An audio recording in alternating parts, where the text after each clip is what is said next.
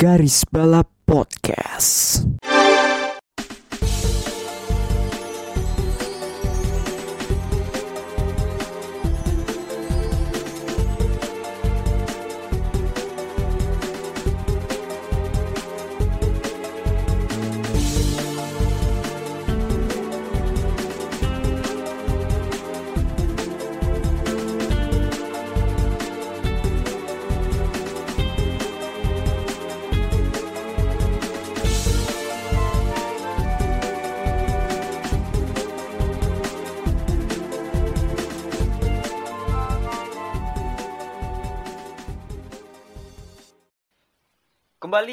Lagi ke podcast motorsport paling underrated di Indonesia. Garis balap. Ini banget loh. pendengarnya pendengarnya apa nggak begitu banyak tapi tetap yang ada yang setia lah. Bersama gue bagus di episode 85 nomor balapnya Iron Dams di FIWEC atau lah gitu lupa 85 dan tidak ketinggalan ada admin-admin tercinta kita ada Rifki dan Melina di sini. Selamat malam warga Argentina yang sedang berpesta. Selamat malam untuk fans Cristiano Ronaldo. Semoga hari Anda cerah, secerah Tapi mereka eh, masih Lionel Messi sedang memegang trofi. Tapi mereka masih mengan- mengagendakan untuk nge nge blow up Ronaldo mulu meskipun di tengah-tengahnya ya Messi sedang berpesta. Itu tidak akan pernah Kalau habis. kata ya, kalau kata Ahmad Dhani, GWS. Au ah gue terutama GWS untuk ya kalau itu orang nggak usah GWS kali ya. Piers Morgan. Ya ngapain juga sih? Ya itu mah kalau itu mah kalau dari saya satu kata aja. Fuck Apaan? off.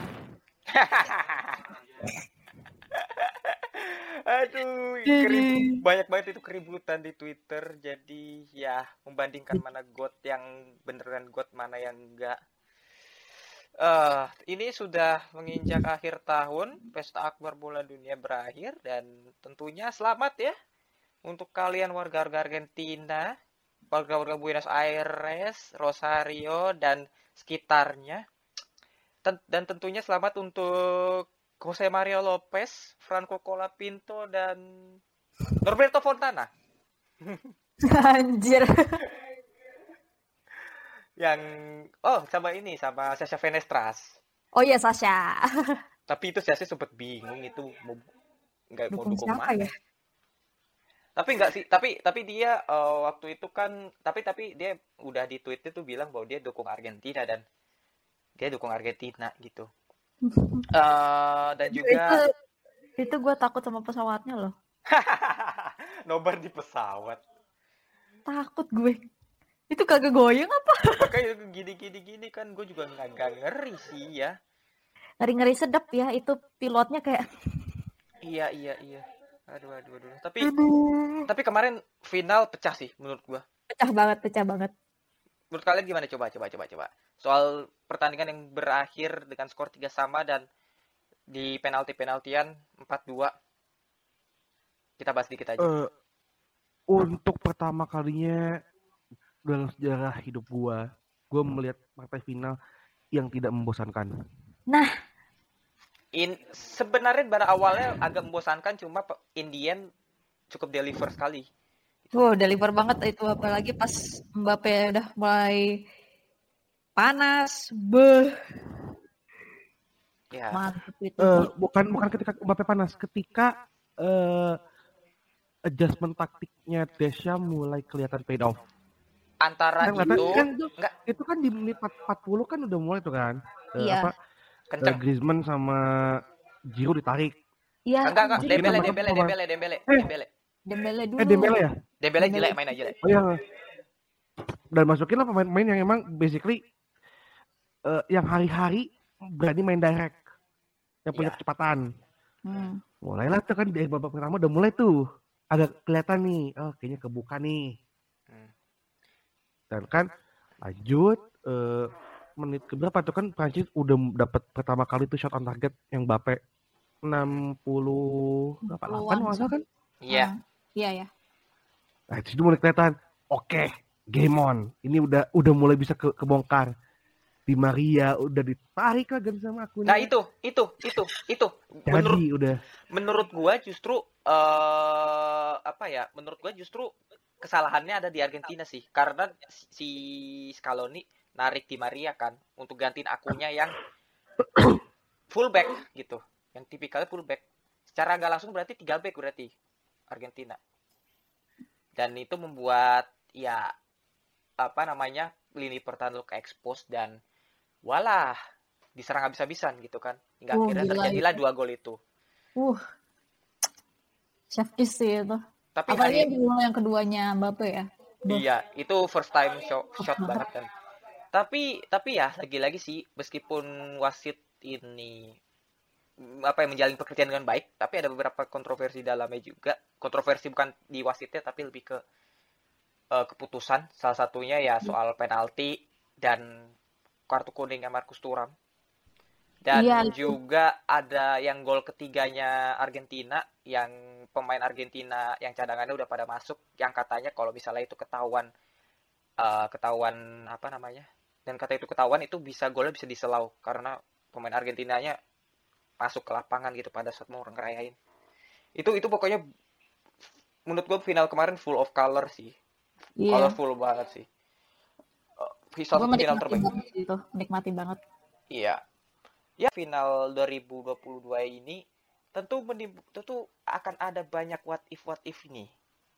Salah satunya penyelamatan Emi Martinez di menit-menit akhir extra time. Itu itu tuh kalau enggak eh, kalau enggak kena tuh kaki anjing kan gitu. Bisa aja gitu enggak enggak perlu pakai penalti.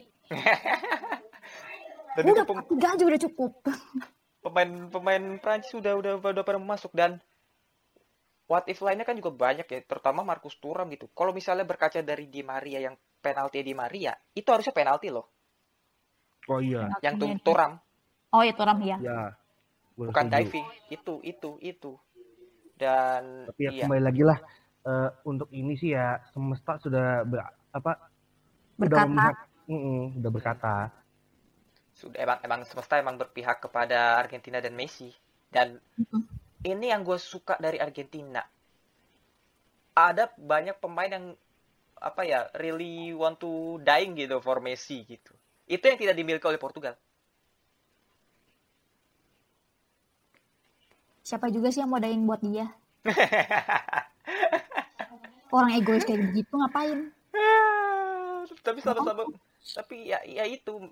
Mes, apa ya Messi tuh semenjak ya semenjak yang Copa America tuh udah kelihatan banget itu. Bahkan 2018 sebenarnya kelihatan itu pengen-pengen ngasih sesuatu gitu untuk Messi juga pemain-pemainnya. Dan itu Iya. kelihatan banget. 2021 juga Copa America juga gitu kelihatan banget. Dan akhirnya puncaknya 2022 Piala Dunia gitu loh. Mm-mm. ya tapi selamat untuk Lionel Messi. Eh kalau menurut gua soal perdebatan GOAT ini sih bagi gua sih Ron mau baik Ronaldo. Seben se nggak suka nggak sukanya gua sama Ronaldo sekarang. Tapi gua masih masih mengakui bahwa dia tuh one of the greatest eh di apa namanya eh bersebelahan dengan Messi. Eh dan itu kita harus akui. Tapi kalau untuk peraihan gelar emang Messi apa ya mission accomplished aja sih.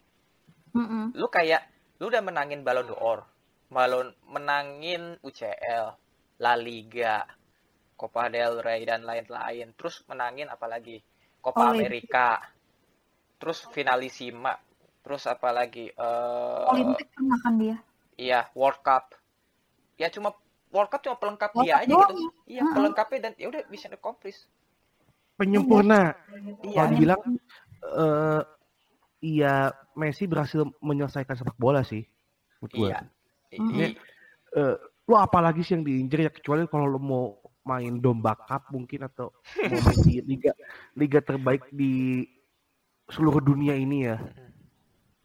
Bernama Liga Premier Indonesia eh salah maksud gua eh Liga 1 atau kalau eh tapi Liga 2 kan nggak boleh pemain asing ya jadi Liga Nggak 1 boleh. Nggak- Liga satu bolehnya. Ya. Ya, Ya. kalau Kayaknya, mau kayaknya, kalau mau tapi kayaknya, kayak- kayaknya yang lebih cocok main Liga 1 tuh ya yang itulah yang di Portugal itu tuh. Yang doyannya ngewek doang tuh sama bikin anak. Aduh. Tapi itu gue gue salut gue eh, di luar itu gue salut sama pemain Argentina yang really want to die for Messi gitu dan gila itu. Dan akhirnya Messi bisa menikmati World Cup. Tidak ada namanya apa ya dia di- dibanding-bandingin sama Maradona untuk peraihan gelar. Tapi ya pada akhirnya Messi bisa meraih apa yang Maradona raih gitu yaitu Piala Dunia. Ya selamatlah untuk Messi eh apa namanya untuk gelar Piala Dunia dan Argentina. Dan ya gitulah. Eh, tadi tapi tadi kita nyinggung soal what if. Jadi ini pembahasan kita untuk episode kali ini yaitu what if di motorsport.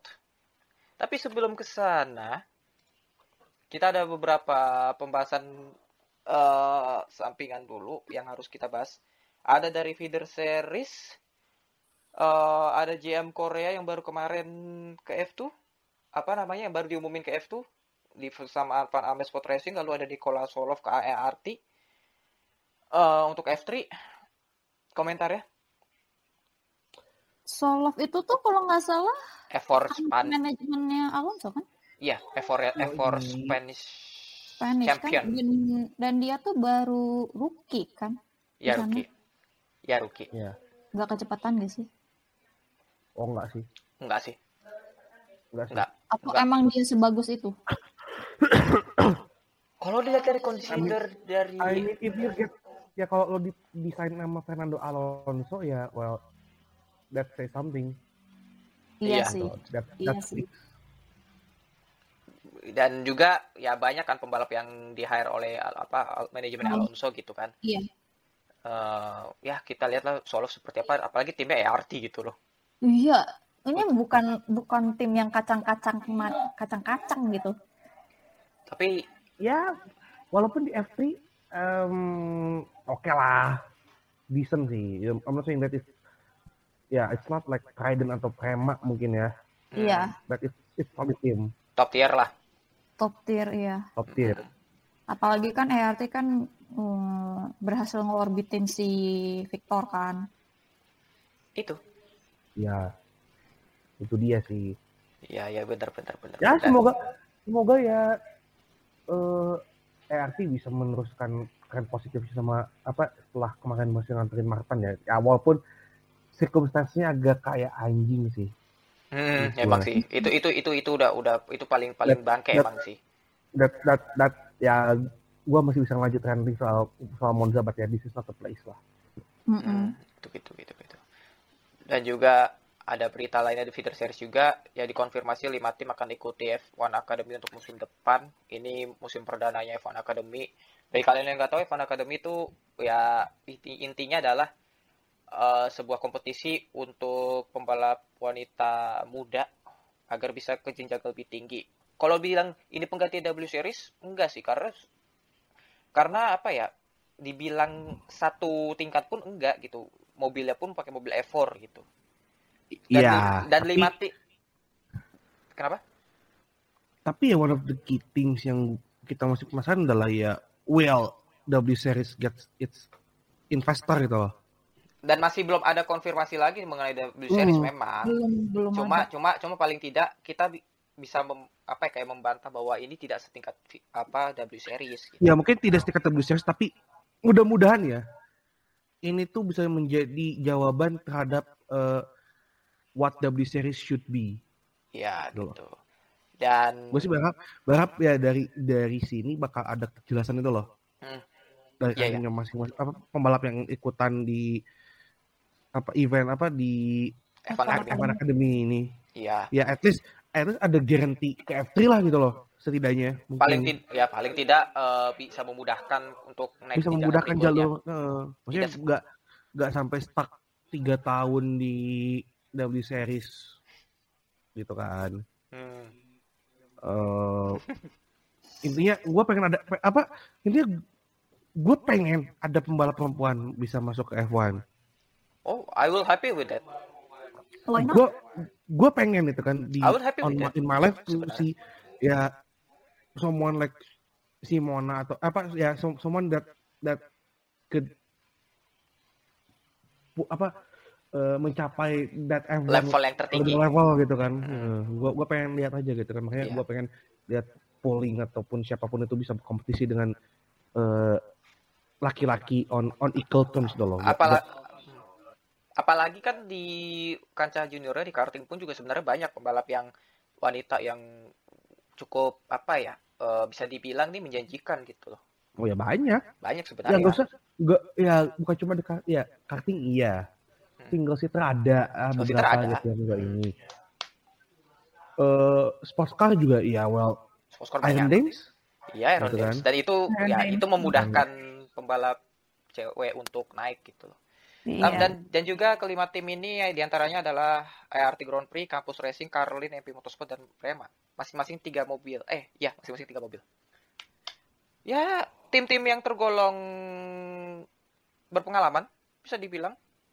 Oh, ART, jelas. Campus, Carlin, MP Motorsport dan Prema ini tim yang bisa dibilang sebenarnya. berpengalaman dan sudah lama malam melintang di dunia feeder series gitu kan di Formula Junior juga.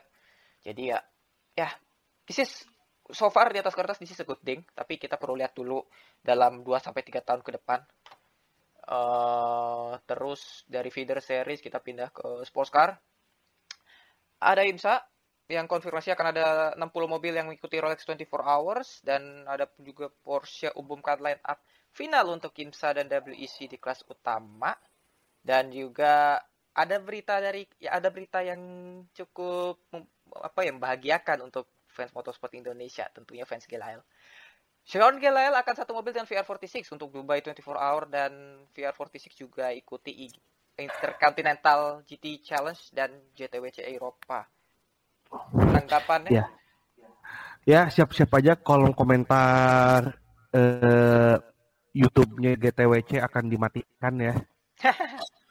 Kombinasi maut antara antara Oh, Rossi dong. Buni, antara VR44 fans dan juga eh, pendukung the one and only Pangeran Gusti Kanjeng Eh enggak dong Ki, enggak dong Ki. revolusi balap Indonesia. Ki, eh Bersatu. Sen, Sen, Sen kan nggak pakai JTWC. Dubai, Dubai 24 hour doang. Gelael tuh. Eh ya dia ya dia pas Dubainya itu kan. Pas Dubainya itu mati Iya, iya, tuh iya, iya. komentarnya GT. Anjir, kalau Kan misalnya Dubai eh Dubai itu di Du Dubai itu disiarin di GTWC kan? Oh, disiarin Nggak, di Disiarinnya di channel GTWC kan? channel sendiri GTWC. kayaknya deh. GTWC. Kayaknya bukan deh, kayaknya bukan JTWC. Gue lupa channelnya apa. gue channelnya Ya, whatever ya, it is. anyway, ya either way pokoknya siap-siap aja matiin komennya. Iya, iya, iya, iya. Because iya, it iya. will be so damn toxic. Oh, Ya, ya, ya, ya, ya. Dan sudah pasti saya akan matikan kolom chat karena sudah pasti saya tidak mau. Saya hanya menyaksikan balapan bukan kolom chat. Jadi ya apa namanya? Ini good luck lah untuk Sean Gelal yang satu mobil dengan VR46 untuk Dubai 24 hour dan sementara eh, rekan setimnya si Valentino Rossi di Intercontinental GT Challenge dan JTWC yaitu Augusto Farfus dan Maxim Martin. Ini dua pembalap yang cukup beken di sports car, terutama di BMW. Dan sementara se- selain Sean Gelael eh, dan Valentino Rossi, mereka akan apa satu mobil apa rekan satu mobilnya ada Maxim Martin juga untuk Dubai 24 Hour, lalu ada Tim Well. Tapi katanya akan ada satu pembalap lagi yang akan ngisi mobil nomor 46 di Dubai sih. Jadi total ada 5. banyak ya. Hmm, Ya soalnya Dubai 24 hour bahkan ada yang sampai 6 gitu loh. sampai 6 kan? Iya, ada Oh yang iya sampai lupa. Eh, ini kalau Dubai itu ini di 24 eh, apa di YouTube 24H series. Gue lupa ya. 6. Iya, soalnya kan gua- 24 H series kan dia itu masuknya. Ya, heeh. eh ya good luck untuk Gelal tapi kalau gua sih mau berkomentar yang soal Porsche nih line up Porsche yang which is cukup apa ya cukup Buset. bikin engas bisa dibilang ya Itu untuk im eh, line up nomor 6-nya tuh tolong tuh ya. ya untuk untuk yang IMSA eh, nomor 6 ada Matthew Jamine dan Nick Tandy, sementara Dan Cameron akan ngisi Daytona di mobil nomor 6. Lalu nomor 7 ada Matt Campbell dan Philip Nasser. Michael Christensen akan ngisi di Daytona. Lalu yang lain FWEC, mobil nomor 5 Dan Cameron, Michael Christensen dan Fred Makowicki. Lalu nomor 6 ada eh, sohibnya Alessandro Pierguidi. Lalu ada Andre Lotterer dan Lawrence Vantor. Sang podcaster terbaru ki- kita semua. Soalnya kan dia bikin podcast kan. Iya bikin podcast ya. Nomor 6 yang paling ini sih ada Kevin Esther, Lotterer dan Vantor. Itu gila itu. Di atas kertas ya ini squad terbaik sih yang nomor 6. Tapi yang gue pengen pertanyakan adalah Porsche males banget sih bikin grafis. Bikin desain grafis. Halo Porsche, kalau kalian membutuhkan desain grafis bisa menghubungi kami. Lu bayangin aja. Matthew Jamine ngepost di kok apa di, di postingan Twitternya yang soal dia diumumkan akan balap di IMSA itu pakai postingannya fanbase. Serius, Itu itu bukan sumpah bukan dari Porsche. itu serius loh kalau misalnya mereka butuh da- desain grafis kita willing to learn dan asal kita digaji sih nggak masalah dengan Premier dan teman-temannya si Matthew Jamine sama si Nick Tandy itu pakai pakai pakai postingnya pakai pakai apa fan apa eh, desainnya fanbase only endurance gitu. Ini makanya gue gue dan juga kayak kayak Lawrence Vantor gitu kan. Mungkin Lawrence Vantor ngumumin line up-nya yang ada foto Vantor, Esther sama Lotterer, ya mungkin itu pakai foto grid atau apa gitu kan ya disatu-satuin gitu kan. lah Kreatifnya mereka. Enggak, mereka akhirnya kayak anjing ini Porsche kagak ada grafis atau apa kayak itu buat gue posting ya udahlah bodo amat gue posting sendiri gue bikin sendiri gue gue suka gagal paham sih kayak mereka nggak ada yang freelance Yap. desain grafis gitu. Ya oke lah lu pakai pakai rel- apa press release gitu kan. Tapi ya Iya, nggak hanya press release doang gitu loh. Press release kayak semacam tulisan gitu aja cukup gitu. Kayak hereby we announce that Andre Waterer nah, Thor dan teman-teman eh and others ya, will participate in this in this in this. Ya. eh ternyata malah begini tapi ya. Seru banget anjir gue ngeliatnya. Tapi ya begitulah namanya juga Porsche. Even ya even. Heeh. Porsche tuh wak- eh, waktu yang kata ngumumin line up pembalap-pembalapnya ya belum yang ya, belum yang sekarang itu juga nggak pakai grafis juga malah Penske yang pakai. Ya udah lagi ini kayak kayak masih masih lebih baik Porsche Formula E sih. Porsche Formula E masih masih masih masih mau masih mikir mereka ya Cuma mereka mereka kayak lebih progresif kayaknya. Kayaknya yang Porsche ini tuh butuh ini deh mereka butuh orang Hmm. yang luas gitu maksudnya tuh. Iya benar benar benar. Dan juga ada berita dari F1 Mick Schumacher resmi jadi reserve drivernya untuk Mercedes. Kira-kira expected? Expected banget oh wow oh wow Iya enggak nih God, it's happening. oh my god Schumacher is back home at Mercedes Cat.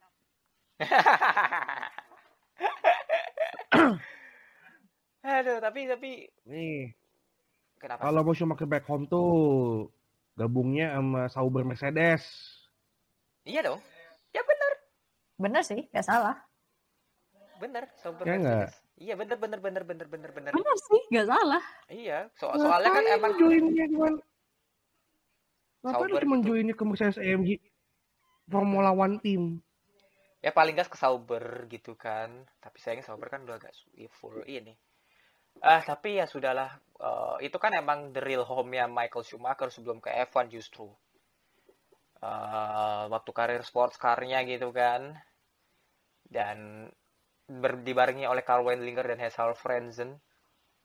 Itu Mhm. ti- trio maut pembalap muda Jerman itu tuh ya bisa dibilang itu trio wonderkid untuk sports car sih karena waktu itu kan Mercedes kan emang fokusnya lebih ke sports car kan bersama dengan Sauber Dan dengan Mm-mm. mobil Sauber Mercedes C9 yang sangat-sangat ikonik. Hmm, lihatnya. Hmm, ya itulah mobil, yang menandakan akhir dari The Legendary Group Grup C, di endurance. V12 gitu kan. Aduh. Aduh, aduh, aduh, aduh. Tapi ya, tapi gue mau tanya deh. Eh, ini ini ini gue gua bertanya ya sebagai yang apa pengen tahu aja nih. Apakah Hamilton akan pensiun setelah 2023 dan Schumacher penggantinya? To be honest, gue nggak ngeliat Schumacher sebagai pengganti yang layak pak buat Hamilton sih. Pal- paling tidak masuk line up jalur nama belakang gitu kan? Mungkin mungkin bisa aja, but I, honestly, I don't like that idea at all. Jujur, To be honest, ya lebih- same sih. Karena gue cuma bertanya aja sih. Gue lebih pengen ngelihat kalau gitu gue pengen lihat dulu Mick prove himself di environment yang mungkin lebih lebih enak ya. Maksudnya maybe loan dulu ke let's say Williams if if and this is a big if Sargent project is complete failure. Berarti 2023 dong? Bertiga dong. Secepat itu kan? 24 Oh, 24 2000 oh 2024. 24 Ya, 23 ya, ya. belum mulai. Enggak maksudnya pertengahan gitu kan. Ya Kayak enggak lah. Misalnya Ya ya enggak. Ya enggak secepat Jalan. itu juga lah. ya who knows kan. Ya, si Jos Capito aja belum 4 tahun aja tahu-tahu digedepak. Ya ya ya itu kan beda cerita lah ya. kita kita kan nggak tahu isi kepala Dorilton kayak apa kan. Justru. Tapi tapi kayaknya akan sangat menarik sih ini Mick eh, akan berperan akan punya peran juga untuk pengembangan W14 untuk musim depan. Ya kita lihat lah kiprahnya sebagai reserve driver seperti apa dan gua herannya kenapa dia nggak coba ajang lain gitu. Ya ya again sih Eh. mungkin yang seperti yang pernah lu bilang Ki ya kalau lu keluar dari F apa ya ruang lingkup paddock it's over karir lu untuk F1 gitu loh dan Iya. dan apa namanya eh, dan dan juga lu berada di lingkungan paddock kan itu adalah hal yang penting gitu loh Mm-mm. ya tapi ya in the in the other side ya menurut gua you need other options sih kalau gua gak hanya melulu F1 Nggak, cuman gue jadi penasaran deh. Kalau dia full time di paddock kayak gitu dan only doing simulators gitu ya, iya dia bakal dull nggak sih di ke depannya? kalau soal wah gua nggak tahu sih ini karena ini pembalap kan sebenarnya masih muda kan Iya, gitu kan. beda sama Hulkenberg kalau Hulken- Hulkenberg eh, ya kalau mungkin Hulkenberg udah ya udah udah lah ya gitu. udah emang karena usianya seperti itu dan emang dia belum punya ketajaman yang seperti kita tahu lagi gitu tapi Mm-mm, ini itu kasus yang berbeda gitu soal Mick loh mm-mm. Masalahnya kan dia kagak balapan sama sekali Gus gitu. iya ya ya ya ya sulit sih Itu itu yang menjadi pertanyaan gua kalau misalnya dia full simulator aja dia bakal tetap stay sharp nggak nih gitu. iya Iya Soal- masih menurut, menurut gue masih akan stay sharp. Tetap. Dan gue sih jadi penasaran nih. If, what if? Mm. Kalau misalnya Mick jadi itu, apa misalnya untuk kayak stay sharp kayak Albon lah ke DTM kayak gitu. Mm. Mereka dia bakal turun di mana sih? Di WEC I'm not atau sure DTM? DTM ajang yang gak jelas itu Nggak yang lagi sih. ribut Halo. Kalau emang DTM musim depan lanjut. Kalau lanjut. yang lagi yang lagi ribut tuh sama anak aduh gak jelas lah itu kalau kalau ke ke JTWC nggak yakin gua Nggak yakin kalau GTWC terlalu WEC WEC justru malah gua juga nggak yakin justru karena WEC sama siapa? iya sama siapa gua nggak ada rumor juga justru gitu loh nggak ada rumor get- dan nih, eh, apa? Mercedes juga nggak ada ini. Mercedes juga nggak ada apa namanya? Nggak ada link di GTI itu loh. Iya. Iya. Ya tapi tapi Ki, tapi Ki. Ya Marcello Ki. Iya loh. Marcello kan tahu-tahu ke ini gitu loh. Meskipun Rolex 24 doang ya. Iya, iya, iya, itu cuma kode doang gitu loh. Iya. Ya tapi siapa Ya, tahu gitu kan Mercedes. Mungkin, mungkin, mungkin ada ada klausul something gitu. Walaupun gue yak, gue gue yakin sih once um, GT3 kelas masuk ke WEC, Mercedes bakal join kok. Ah, yakin. kalau Oh, ke G- ya ya ya ya ya. GT3-nya, Ya, GT3. 2024 Gua- tapi. Ya, gue gue gue nggak ngomong hypercar ya. Iya. Mm-mm. It, it, it, it, itu long shot lah dan that it it's uh, a some apa some big Austrian guy seal of approval. Let's not forget. Mm-mm. Karena dia adalah apa uh, head of motorsport programnya Mercedes. Iya. Kita lihatlah seperti apa dan apalagi Mercedes kalau misalnya masuk hypercar aduh.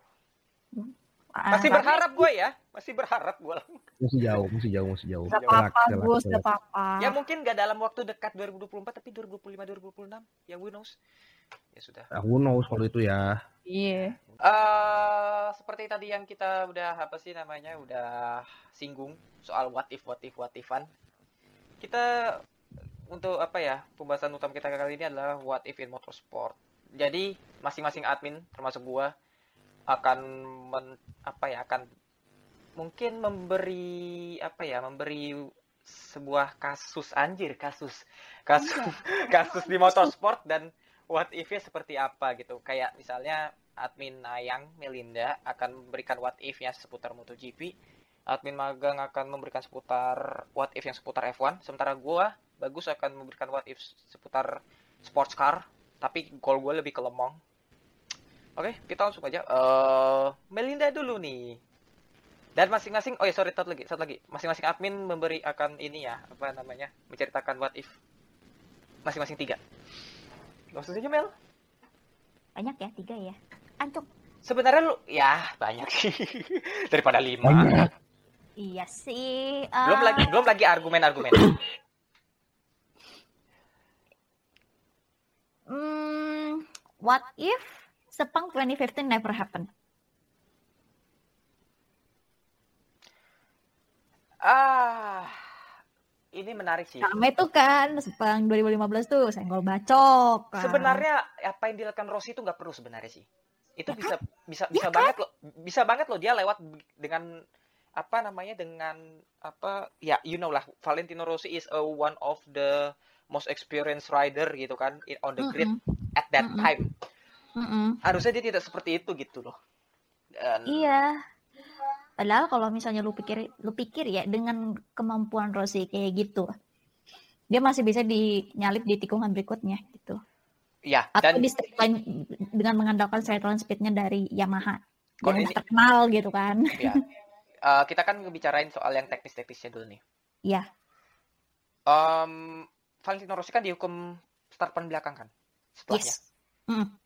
ya kalau misalnya dia berhasil nyalip Marquez at that time dan pada saat itu di Valencia dia tidak start paling belakang misalnya pole position gitu Mm. bukan gak mungkin ini akan jadi gelar 10 nya Bisa banget. Bahkan kayak 2015 tuh kayak udah sebenarnya terbuka aman loh banget, aman banget bagi dia buat ngunci gelar ke 10-nya. Dan nggak usah neko-neko lah di Valencia sama Sepang tuh. bahkan di Valencia kan kita lihat lah apa namanya mosak masik Rossi meskipun ya ada wacana pembalap yang terutama rider Italia beri jalan gitu kayak monggo gitu kan ada wacana seperti itu tapi Timnas order. Iya, timnas order gitu kan. Jadi jadi gimana ya? Eh, apa sih tapi tapi di luar itu Rossi waktu itu meskipun di usianya 36 36 Tiga ya, 36 eh, masih masih cukup bisa gitu loh untuk nyalip-nyalipnya gitu. Masak-masaknya masih ada. Masih. Tapi di luar itu sih ya mungkin bisa saja ini kunci gelar bukan kunci sih bisa menyabet gelar ke 10-nya dan meskipun waktu itu Lorenzo masih yang Dekat teratas dia. ya, masih yang teratas kan. Masih de- dekat sama Lorenzo-nya. Deket justru. Nah, itu jadi Mm-mm. ya bisa aja Itu sih. itu bisa banget nyalip nyalip Lorenzo loh. Bisa Dan- banget. dan eh, 2015 tuh sebenarnya nggak panas-panas banget, nggak sepanas awal-awal Lorenzo Rossi itu sampai garasinya aja dipisah gitu kan, Awal awal awal Lorenzo masuk Yamaha tuh ya. sampai dipisah garasinya kan.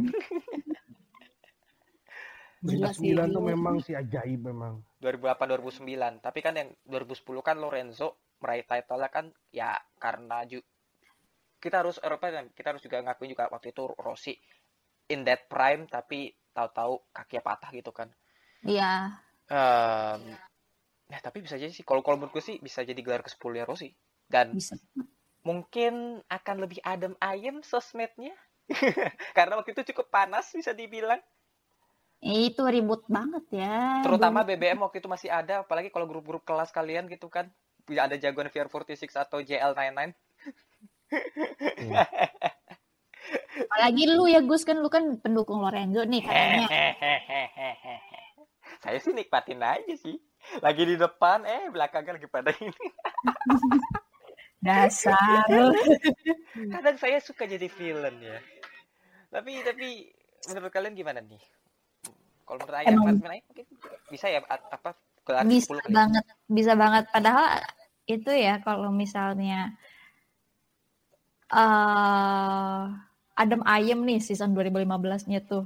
Rossi tuh bisa ngunci gelarnya tuh sebelum Valencia bahkan. Kalau oh ya so- soalnya ada beberapa momen di mana Rossi fucked up. Iya fakta kan. Sebenarnya kalau misalnya dia nggak fakta bisa banget dia ngunci either itu di Sepang atau di Phillip Island. Iya ada beberapa momen di mana di mana Rossi fucked up apalagi dan ya. Iya, makanya kayak bisa banget itu. Jadi ah ya sudah lah tapi Tuhan berkata lain.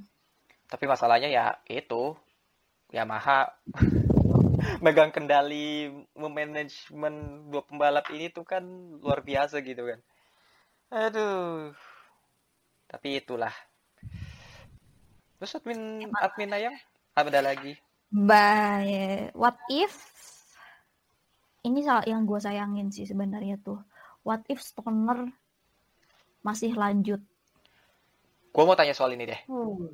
Alasan alasan absolutnya Ros apa namanya Stoner pensiun tuh apa sih sebenarnya? Soalnya banyak wacana-wacana yang bertebaran bahkan sampai sekarang menurut gua ada yang bilang emang Stoner udah muak dengan politiknya MotoGP, ada yang bilang emang apa emang dia mau ya ya menikmati masa-masa bersama keluarganya gitu kan apalagi dia udah punya anak juga ada yang Hmm. bilang bla bla bla bla bla gini padahal usianya masih masih dalam usia masa prime-nya Prime banget Heeh.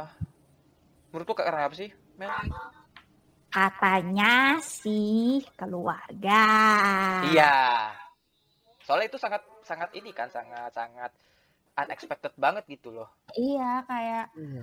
gua gua tuh sayang banget sih karena gini, Stoner tuh one of generational talent. yes Di- sejak di LCR Iya kan? Iya kan? Makanya kan kayak ini ini anak bakal bagus nih.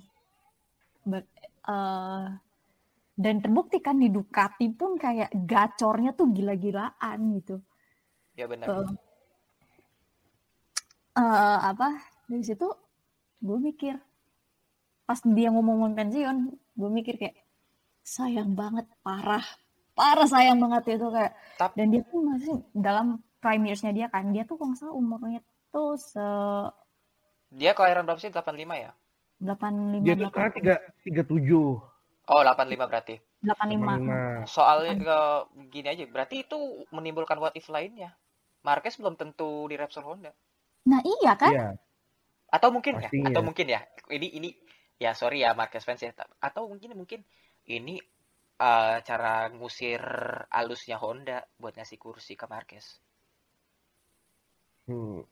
I don't think so. I Ini don't I don't think bener-bener so, I don't think so. bener-bener kalau gue ngeliatnya ya memang Stoner udah capek aja sih. He, he, he wants to take time off aja dari burdennya balapan gitu dengan ya with the hope bukan cuma politiknya tapi juga travelnya gitu loh kan dia Stoner tuh kan stay di Australia kan ya Stay, stay di Australia. stay setahu Nah, gue itu stay dia itu dia burden travelnya itu sih ya emang sih ada banyak faktor-faktor lainnya gitu kan dan Mm-mm. apalagi kalau kalau lo punya apa punya keluarga baru gitu maksudnya keluarga keluarga kecil ya itu akan jadi ini sih Jadi susah untuk membaginya justru.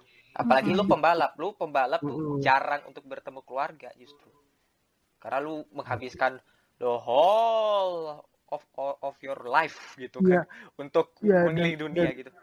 dan basically kan your time off is only what November Desember Januari November Desember Januari lo udah mulai training camp Iya. Iya. pada dasarnya Mm. Jadi ya eh, berarti tapi mungkin bisa jadi kalau misalnya Stoner nggak pensiun bisa aja dia dia berapa gelar sejauh ini? Dua cuma Dua. dua untuk yang kelas utama ya Premier ya. Iya. Iya.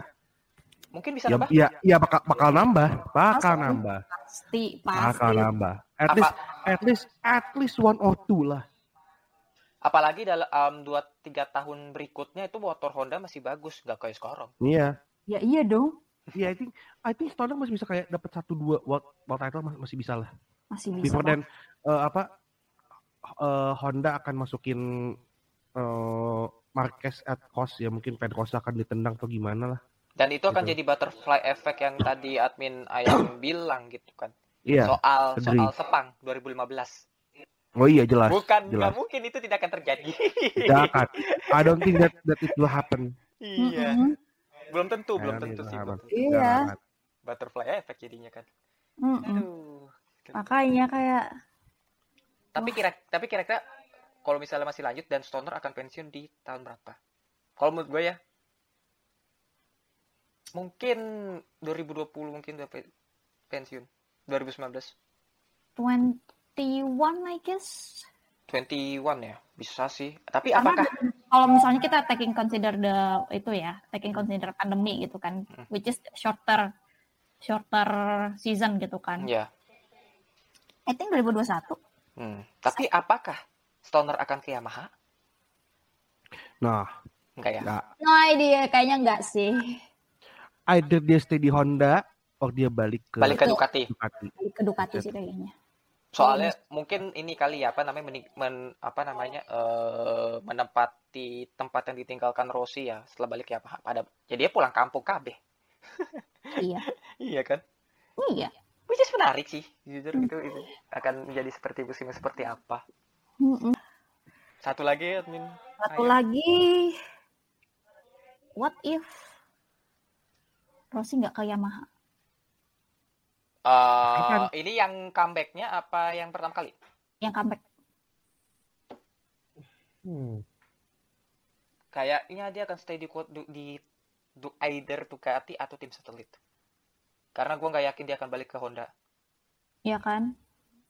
Maka eh, sebenarnya ini juga kayak eh, aku juga kepikiran sih kayak Kalau dia balik nggak ke Yamaha, terus kayak stay di Honda,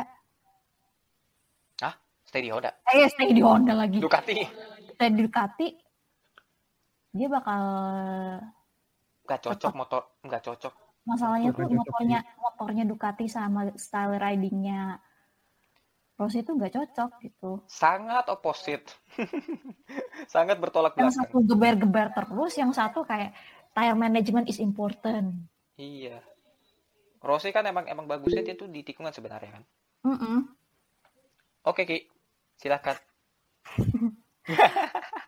gitu jadi apa ya kalau gue lihat sih emang nggak nggak cocok aja sih di Ducati ya kayak ya buktinya aja di Ducati aja ngeflop gitu kan Iya betul. Ah tapi tapi ya itu sih menurut menurut gua dia akan ke tim satelit, pindah ke tim satelit, entah tim satelit Yamaha atau anjing ngapain ke tim satelitnya Yamaha atau tim satelitnya Ducati. Karena ini ya Ducati oke lah gitu. karena tapi ya lagi-lagi lu nggak bisa keluar dari kerangkengnya Ducati jadinya. Sama aja jadinya. Dan Iya, ini menimbulkan butterfly effect lagi ke Sepang 2015 semua berujung pada Sepang 2015 ya kalau misalnya di Piala Dunia kemarin mungkin kalau MMR what if Nel Mopai tidak mencederai Bern Leno mungkin Emi Martinez nggak akan kayak gitu. Dodol gak dodol gak dodol gak itu nggak ngotak. Mumpai, Mumpai. Tapi tapi tapi eh, kembali ke MotoGP. Ya berarti ya Rossi mungkin bisa pe bisa pensiun lebih cepat juga sih.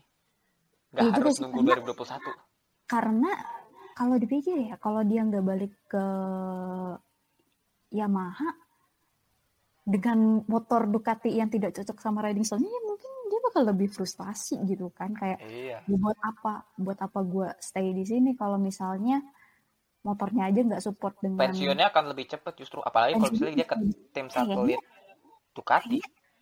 dan kayaknya pun I think ya I think. Dia di Ducati sampai kapan sih 2000 2011, 2012, 2013 balik. I I think 2012 dia bakal udahan deh Bisa.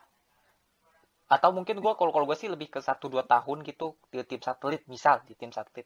bisa Pensiun. itu dua tahun kalau dan sebenarnya balik lagi sih ke tim satelitnya bagus atau enggak ya gitu Well, tim satelit well yang kita, kayak kita gitu. tahu sendiri ya kalau MotoGP kalau misalnya anda masuk tim satelit berarti apa tim B Ya, tim B dan juga lu cuma jadi tim bekasannya ini aja, tim pabrikan dan nah ya ap- ya mungkin aja mungkin Rossi berniat untuk ke salah satu tim CRT. itu gak jelas itu dah sumpah. Aduh 2012 itu 2011 2012 itu ada CRT apa ini CRT aduh. apa pula itu Terus ada tim independen terba- ini yang juara tim independen apa lagi? Ampun ampun ampun. nah Tapi- begitu Paling awik walk itu musim itu. ya emang in emang terms of starting grid-nya meskipun banyak. banyak sih itu oh gue jadi kepikiran satu eh dan kalau misalnya aduh ini salah satu berkaitan dengan generational talent generational class sih lebih Iya tepatnya iya iya iya iya. Class Eh, mungkin gua dulu kali ya. Hmm. Baru gua bisa lebih magang soalnya F1 belakangan. Eh seperti yang tadi gue bilang eh, yang gua apa bahwa gua akan bawa what if yang ada di Lemong meskipun tidak se populer atau banyak diketahui seperti apa seperti MotoGP atau F1 tapi Lemang ini banyak what if-nya. Gua akan singgung yaitu tahun 91, 99 dan 2017. Tahun 91, what if Mazda apa namanya kan juara juara apa pemenang lemangnya kan Mazda kan 787B dan what if itu lapnya ditambah satu lagi karena menurut pengakuan menurut pengakuan pembalapnya gue lupa pembalapnya atau ap- siapa ya lupa gue eh itu sebenarnya kalau satu lap lagi 787B itu habis hancur tuh mobil hancur dalam arti ya kelar mobilnya. Dan mungkin aja itu bisa membuat Jaguar meraih meraih, meraih kemenangannya lagi gitu. Ya bisa jadi bisa aja gitu dan dan juga gak hanya itu Johnny Herbert menuntaskan stint terakhirnya selama dua jam lebih gitu sehingga membuatnya dehidrasi. Eh, terus juga dan juga ini what if lainnya juga sih untuk mas untuk Lemang 91 sih pabrikannya kan banyak ya, gak hanya Mazda aja sih. Jaguar, Peugeot, Porsche, Mercedes, Nissan bahkan. Ini semua pada tumbang sebenarnya. What if kalau pabrikan ini nggak tumbang? Apalagi Peugeot. Akan sangat Iya, jawabannya adalah tidak ak- apa Mazda 787B tidak akan pernah mencapai code level status. Dan juga 7X7B itu start di posisi 10 terbawah loh. Dia dia nurunin 4 apa 3 mobil gitu. Hmm. Itu semuanya di urutan 10 terbawah dan ber- berhenti menarasikan bahwa 7X7B tidak membalap di Lemang tahun selanjutnya karena mesin rotari terlalu cepat. Berhenti menarasikan itu. Tidak ada apa tidak ada tulisan atau artikel yang menjelaskan soal itu. Dan juga eh, apa namanya bukti kuatnya adalah di kualifikasi 7x7B hancur pace-nya hancur justru kalau menurut gua. Hmm, dan mobil utamanya Iya kan sih. 5, 55 peringkat 12 eh terus mobil lainnya 5 56 peringkat 24 di kualifikasi. Terus apa lagi ya? Banyak pokoknya. Yang mobil mobil nomor 18 peringkat 17 di kualifikasi. Yang kuatnya justru Mercedes Jaguar Porsche ya ini mah bener-bener emang apa namanya ya star line aja. Star Iya. lain dan dan dan seperti yang apa pernah kita bahas emang ya Lemang memilih pemenang ya bukan lu yang memilih Iya. untuk menang di Lemang dan emang Iya Kalau- kalau udah Mazda yang ditunjuk ya ya wes gitu kan emang takdirnya begitu gitu Eh, dan juga kan ya salah satu dan juga tahun 91 ini kan ya salah satunya ya kontes kontestannya ada Michael Schumacher gitu kan di Sauber Mercedes peringkat 5 gitu dan ya ini sih apa sih namanya ini men- menurut gua ini ini kan sejarah yang baru juga kan untuk pabrikan Jepang yang ber- pertama yang berhasil menangin Le Mans. Sebelumnya apa ya pabrikan sebelumnya kayak Nissan sama Toyota tidak bisa menangi. Taunya Mazda ambil ambil duluan gitu kan. Dan juga ya melanjutkan tadi yang mesin rotari di ban karena terlalu cepat. Tahun 92 atau 94 itu digunain lagi kok mesinnya. Tahun 94 Mazda comeback Eh enggak, ya Mazda, Mazda comeback dengan mobil RX-7. RX-7-nya di IMSA. Yang which is apa ya? Bahwa opini bahwa rotary terlalu cepat tidak valid gitu. Dan ya menurut gua memang Mas Mazda emang emang emang nggak superior dan bisa saja ini pabrikan lain yang akan memenangi Lemang gitu loh. Jaguar sih, Jaguar yang paling ini. Jaguar lah udah memang bakal menang. Jaguar Pasti. XJR 12 tuh salah satu mobil yang one of the kind greatest lah itu tuh. V12 itu, aduh suaranya tuh please lah. Cakep. Tidak ada tidak tanding tanpa banding lah. Udah itu mah. Iya. Gila sih. Dan juga s- kalau itu kan grup sih. Kita ke tahun 99 yang juga masa keemasannya endurance sports car sebenarnya. Uh, Kita- I know where you're going with this. kita kita ini tahun 99 kita tahun 99 ini kan terken ada banyak pabrikan kan yoi. yang ikut Audi, BMW, Ferrari, Nissan, Panos, Toyota, dan salah satunya Mercedes. Ini yang mau kita bahas. Mercedes dengan mobil barunya CLR setelah musim sebelumnya dengan CLK GT1 di Lemang tidak begitu berhasil karena masalah problematika reliability tidak jauh berbeda dengan di F1. Ah. tapi tapi di ajang FIA GT1 tuh mereka mereka merajai sih, tapi cuma di Lemangnya aja yang nggak nggak nggak stand out itu gitu. What if kita kan selalu selalu ini ya kayak ngejok soal Mercedes terbang, CLR yang terbang. What if itu tidak kejadian? Hmm. Hmm. Karena gini, gue punya eh, kayak datanya kan. Sebenarnya kualifikasinya tidak jelek, pace-nya tidak jelek, ini mobil tidak jelek, potensial sebenarnya. Kalau boleh jujur. Hmm. Tapi somehow entah kenapa sejak free practice, eh free practice apa pre apa apa pre qualify lupa gua. Pokoknya free pokoknya pada saat testing, terus sesi warm up dan puncaknya adalah eh, di apa hari hanya di 24 hour Lomang itu terbang tiga kali terbang dan juga apa ya selama testing. Testing apa ya testing private-nya private Mercedes. Itu mereka tidak mengalami masalah aero dan segala macam. Emang sih testingnya berbeda berbeda sirkuit sih. Kalau soalnya kan Lembang kan lebih ke eh, apa sih namanya lebih ke low aero kan. Sementara Mercedes kan mungkin testingnya di Hockenheim, apalagi di Lotus Ring yang notabene high downforce gitu kan. Tapi menurut gua ini mobil potensial. Potensial loh sebenarnya. Coba deh, coba deh. Menurut kalian gimana deh? What if mobilnya nggak terbang? Nggak jadi terbang ya. Anjir. Anjir. Kalau aeronya benar gitu maksudnya. Soalnya gini, sejak yang apa namanya free practice atau testing itu yang mobilnya terbang baru pertama kalinya dan pembalapnya Mark Webber itu sebenarnya kan Mercedes nge- nge-call si Adrian Newey untuk mencegah terjadinya mobil ini terbang lagi. Dikasihlah end plate kayak semacam end plate itu di mobil depannya di bagian sampingnya untuk mencegah itu. Tetap terbang.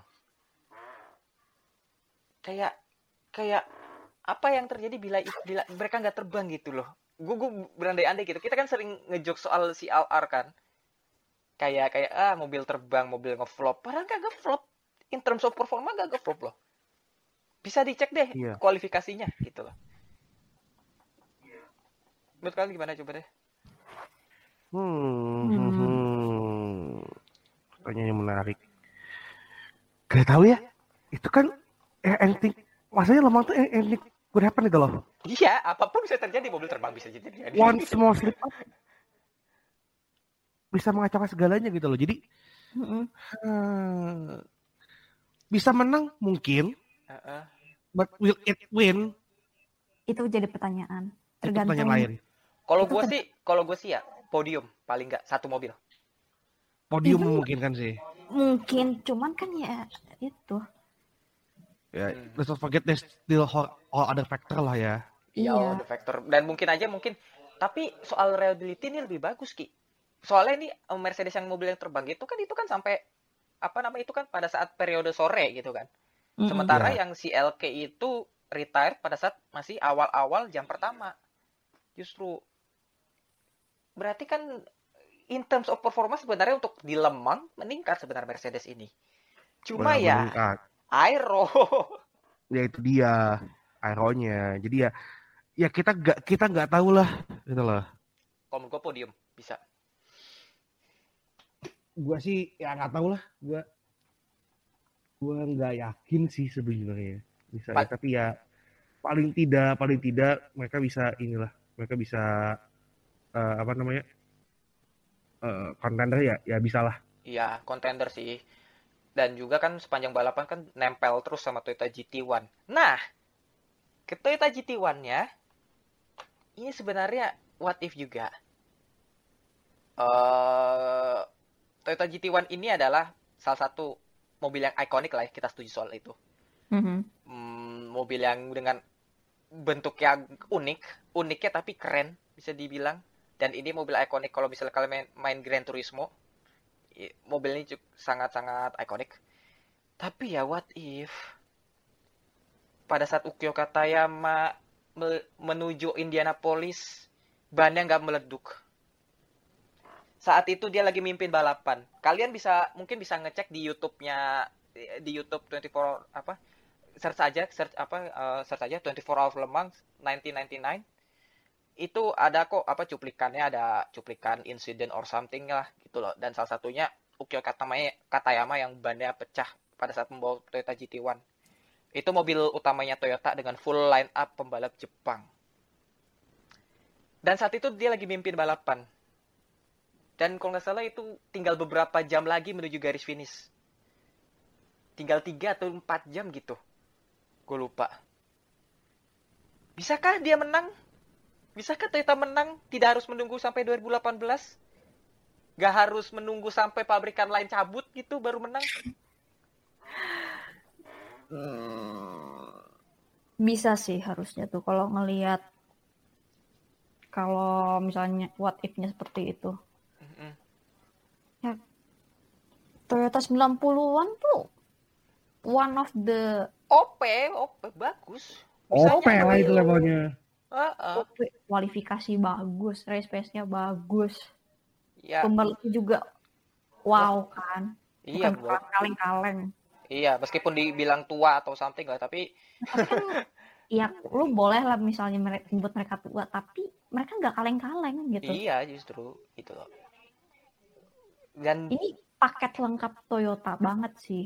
ini membuktikan bahwa Toyota sebenarnya kalau yang di zaman-zaman ini tuh luar apa ya eh bisa berbicara banyak justru.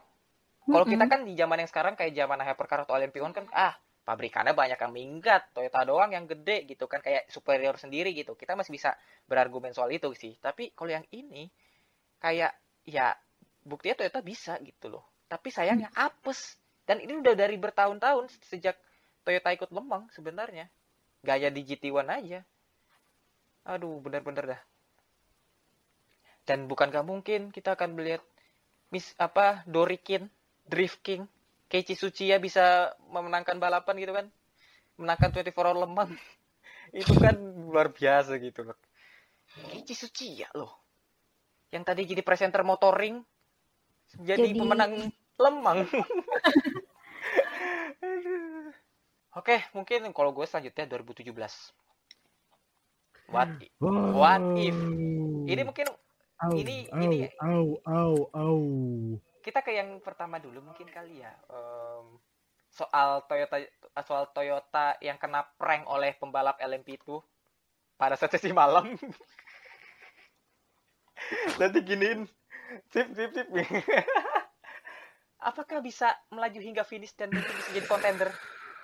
Apalagi Toyota nurunin tiga mobil. Hmm. Kita ke situ dulu deh. Hmm. Hmm. Hmm. Hmm. Hmm. Hmm. Hmm. Kenapa, ya. entah kenapa bisa sih. Soalnya itu kan problematika, aduh lupa lagi. Clutch-nya apa-apa gitu. Pokoknya itu ada, ad- apa ya, ada benang merahnya dengan dengan pranknya Toy- kena pranknya Toyota sama pembalap LMP itu tuh. Pokoknya itulah itu itu ada kaitan sih. Coba kalau misalnya Toyota nggak kena prank itu mungkin bisa mungkin title contender. Eh, title contender, lah winner contender gitu. Di Lemang 24 Hour 2017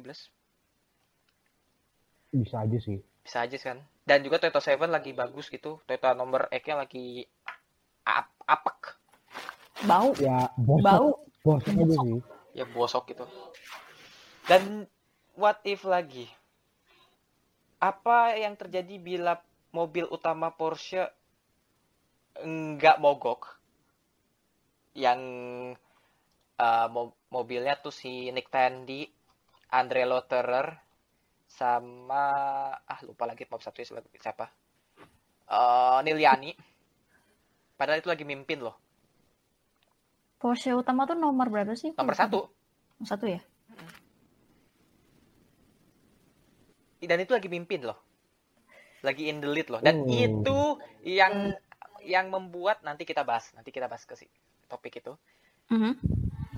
Apakah mungkin akan tetap bertahan di depan Oh. Oh. That hard. That is hard. hard kan Saya bingung sih. Gitu sumpah. dan ini akan jadi butterfly effect ke, ke, pembicaraan kita berikutnya what if dengan Porsche yang utamanya eh, mechanical problem lalu tiba-tiba Porsche number 2 nya juga mechanical problem what if LMP2 mimpin dan memenangkan balapan Overall ya, balapan iya overall balapan ya. overall Eh, bisa langsung bubarin aja dengan cepat itu LMP1. Iya, itu udah kayak sekian terima kasih. Bye. Kamu sudah berkontribusi banyak untuk pengembangan LMP1. soalnya gini di podium overall aja eh, Jackie Chan DC Racing yang LMP2 ini apa ya dua pembal dua dua mobil gitu yang di podium di for- podium overall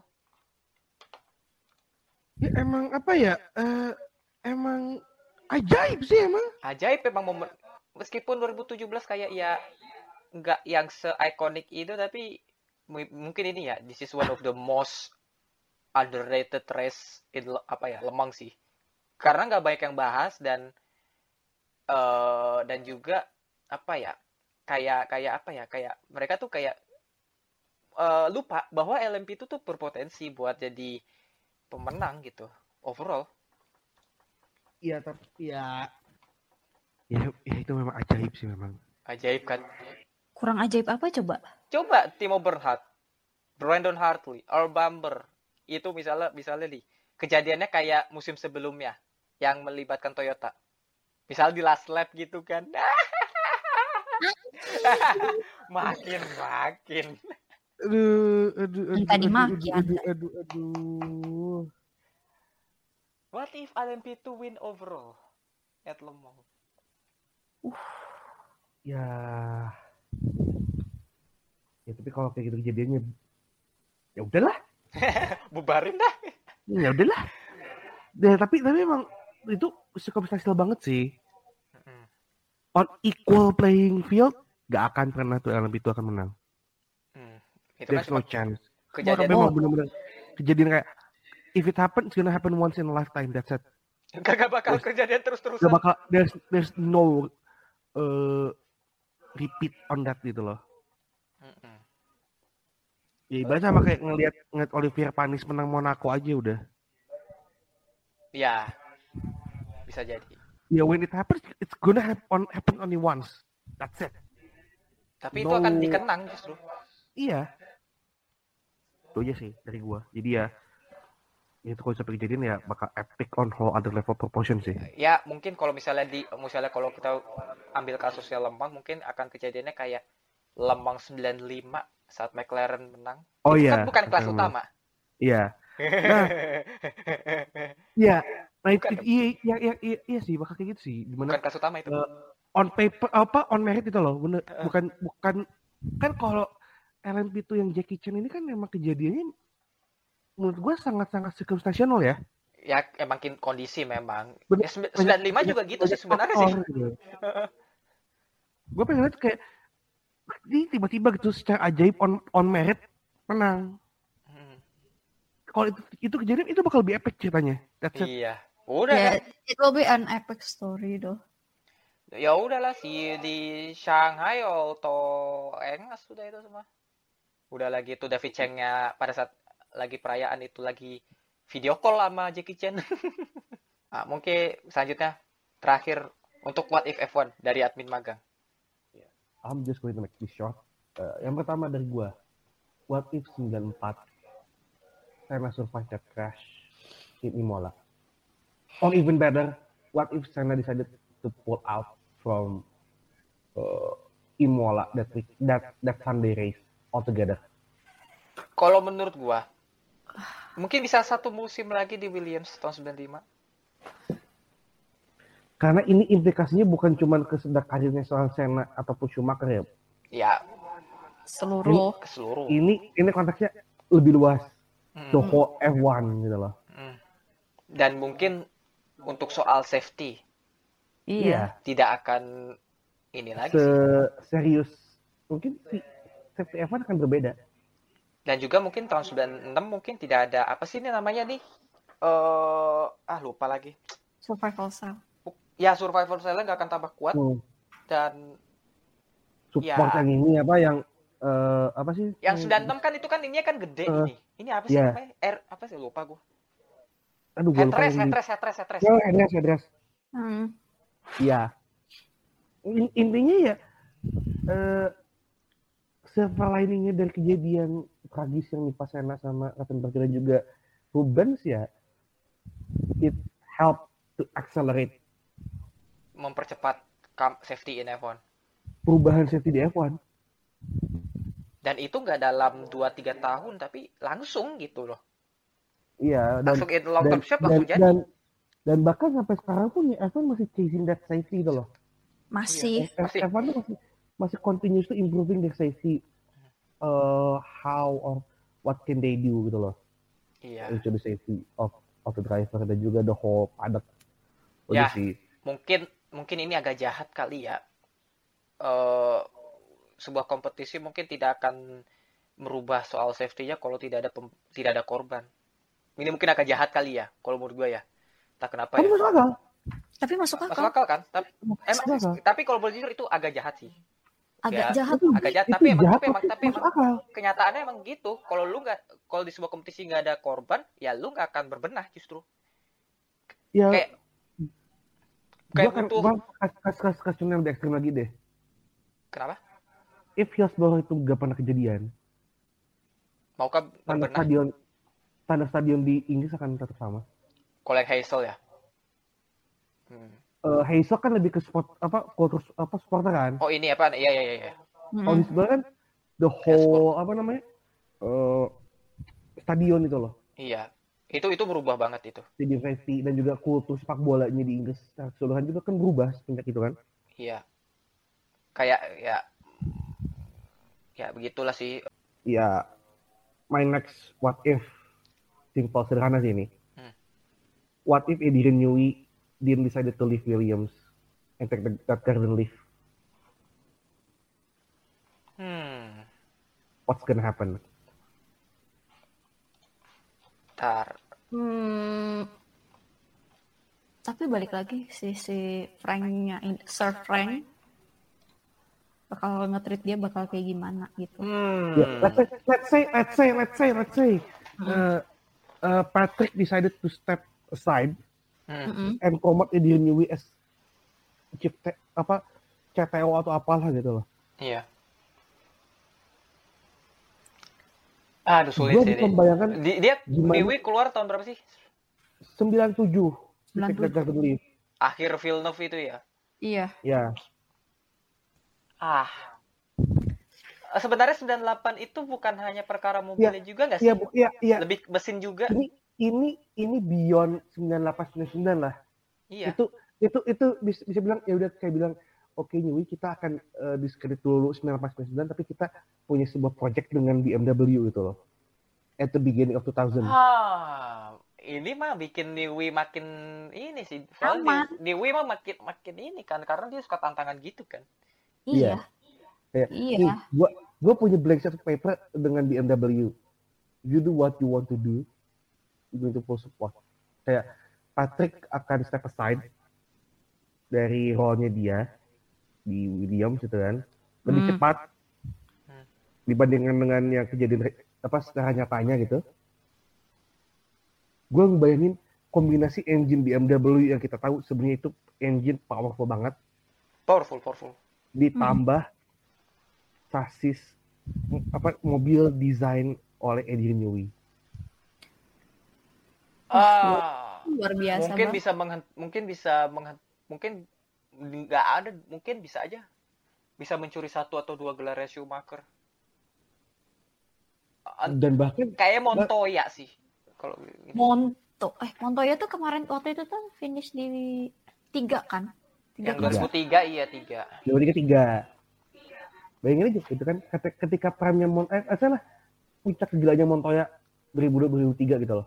Nah, Eh dia dikasih mobil yang dibikin sama Adrian Newey tambah mesin yang OP itu. Dan sebenarnya kan juga meskipun tanpa Adrian Newey kan sebenarnya itu Williams yang 2000 yang BMW itu kan sebenarnya nggak bukan mobil yang jelek, bagus banget bahkan. Bukan yang jelek, not that bad, but it's just missing the X factor aja sih.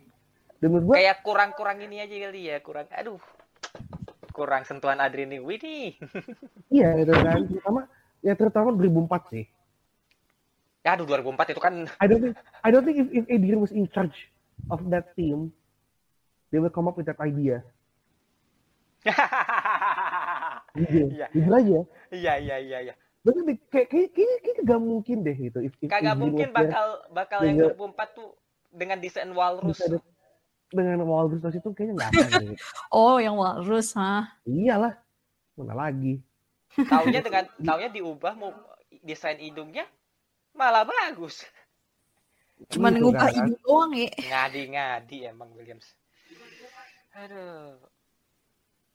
Gua Apa dan tuh? juga final what if dari episode ini. What if 2013 instead of joining Mercedes AMG Lewis Hamilton decided to join Red Bull. Hmm. Waktu itu dia ditawarin juga ya, kalau nggak salah. A- Gitu, apakah dia akan 2013 kan? Ya. Dia tuh akan mendampingi Vettel kah? Oh jelas.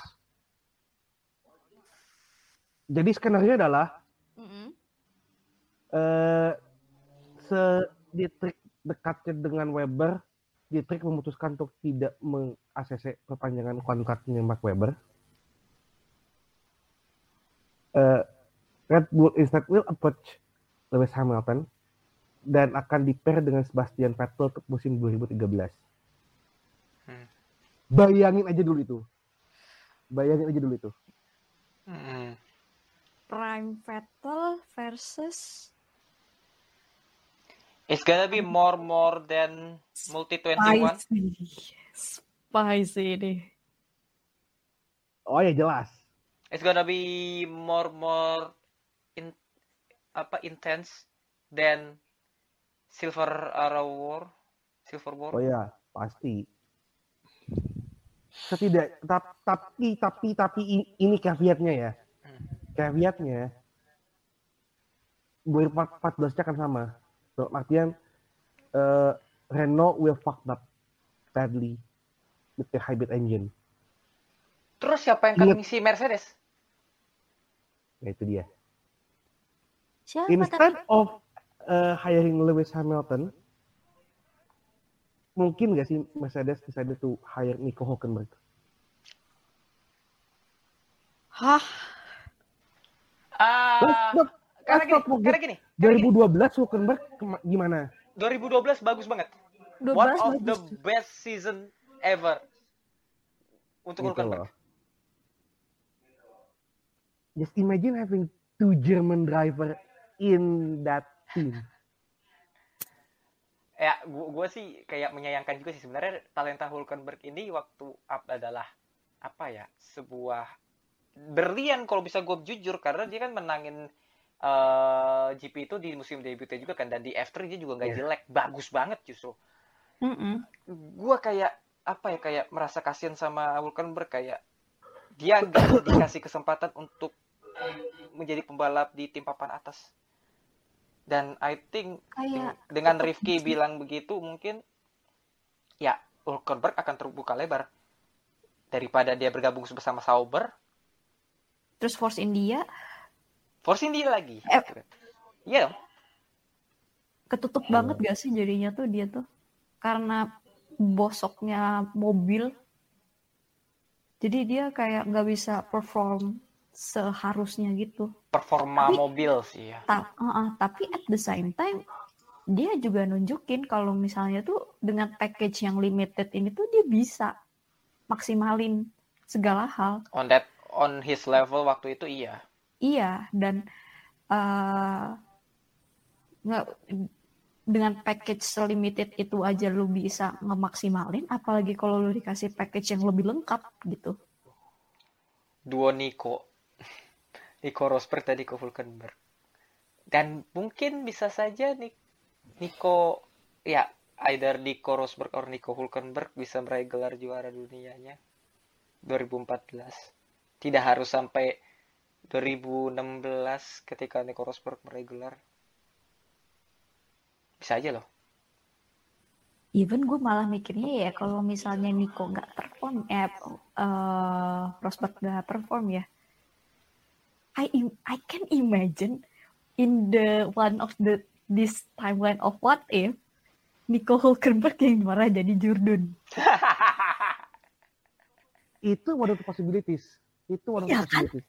Iya kan, Max eh, misalnya aja kan kayak 2014-nya ini ini bener-bener udah mulai step up nih gitu kan. Eh 2014-2015 lah, ini kita bisa ngelihat persaingan antara Nico Hulkenberg dengan Nico Rosberg. Ternyata pas dilihat Hulkenberg malah lebih bagus kan.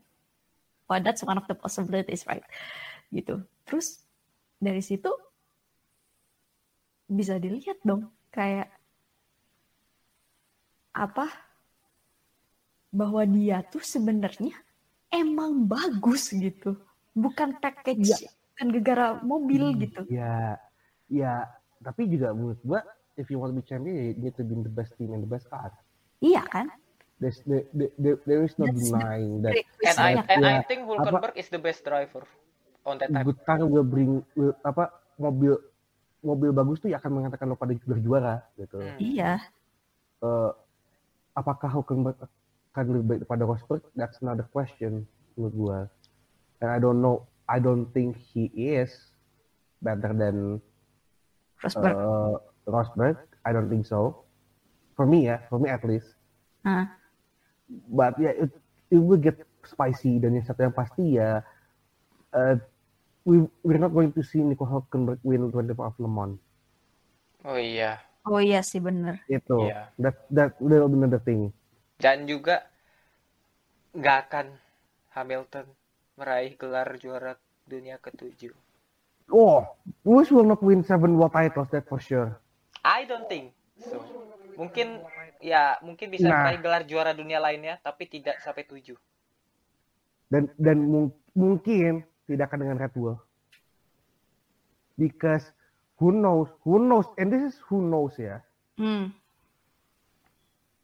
all of a sudden then Lewis join Ferrari Oh my god. ingat Oh wow. ini ini tuh bisa membuka kotak Pandora yang banyak banget kita kita bisa ngomongin what what's gonna happen with Seb what's gonna happen with Lewis if dan ya kenyataan apa kenanya dari 2014 Renault is shit gitu kan. Iya. implikasinya juga bisa ke karirnya Fernando Alonso Kimi Raikkonen. Sebastian Vettel. Ya, tadi kan udah kan Sebastian udah gue sebut. Eh, at the rest of the grid. Aduh, banyak ini banget. bakal Past ini bakal and kacau. future. Ini bakal kacau banget gak sih? oh iya jelas. Who knows? Kita mungkin akan ngelihat George Russell di F1 we're not, we're not gonna see uh, siapa? Lando, Lan, uh, mungkin Lando masih bisa ya. Ya sekarang Charles. or maybe Leclerc. Ya pokoknya possibilitasnya banyak banget. If this one move happen. Emang sih ya, Lewis join Red Bull. Emang sih ya di dalam kehidupan tuh emang satu momen itu sangat berarti dan akan berimplikasi ke banyak ke masa depan gitu. Oh my gosh. Gila sih. This whole this apa the whole grid mungkin Bahkan- akan berbeda sekali if that scenario happens Berarti Hamilton bakal berpindah-pindah mulu dong. bisa jadi Bisa banget. dan bisa aja eh, mungkin untuk partner katakanlah misalnya jadi nih Sebastian katakanlah eh, 15 nya join Ferrari 14 nya mungkin baru ah Daniel Ricciardo masuk Telat setahun. pas tahun dan, dan mungkin itu akan berubah jalan karirnya seorang Carlos Sainz Junior dan juga seorang Max Verstappen Wow, wow, wow, wow, wow, wow, wow. Dan Red semua Red Bull Junior yang akan datang. iya Max Verstappen even bahkan. Dan kita bu- tidak akan melihat Max Verstappen debut sebagai the youngest driver on the grid. Mungkin Iya. 2017 baru debut. atau atau bahkan if it, if we want to go extreme What? mungkin instead of choosing Red Bull Max akan choose Mercedes Oh iya kan dia pernah Oh, mungkin, Mas- mungkin, mungkin ya. Mungkin, mungkin dia akan apa ya? eh, fi- karir feeder series-nya bisa lebih lama lagi sedikit. oh iya it, it- bisa that's for banget. sure That's for Mungkin sure. aja dia, mungkin aja dia akan apa debutnya bareng eh Charles Leclerc.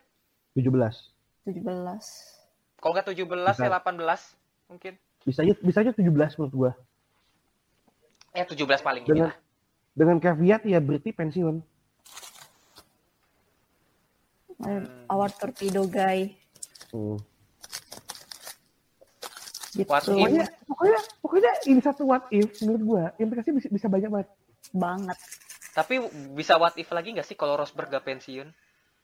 Wah bisa banget, bisa banget. Ini ini kalau kita bikin what if what if terus ya, ya kan beres. Gak Emang beres. akan Karena what if misalnya nih ya, eh, skenario sesuai dengan jalan jalan sejarah ya, maksudnya Hmm. Lewis join Mercedes, the silver Hmm. happen, but the difference is 26 at the end 2016 instead of retiring, Rosberg masih lanjut. Iya bakal keluar dari Lewis Hamilton. Hmm, lagi-lagi liar, liar. Mark my word. The one's gonna accept Lewis Hamilton.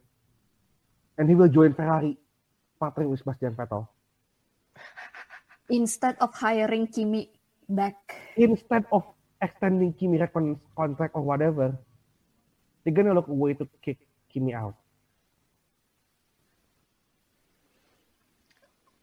Liar ya? Kalau boleh jujur. Gak dia sih ini. And it will, implikasinya adalah karirnya seorang Charles Leclerc dan Mick Schumacher. udah Basically the whole FDA Academy nggak sih? The whole of the feeder series thing. the whole FDA itu bakal berubah lan- landscape-nya Karena kan banyak apa ya kayak anjing ini juga ya. Serem juga Oh, sih. silakan What if Silakan serem memang sih. Ini ini puncaknya dari what if dia what if ini. Iya. Setidaknya un- un- untuk present day ya this is the biggest what if Mm-mm, mm-mm.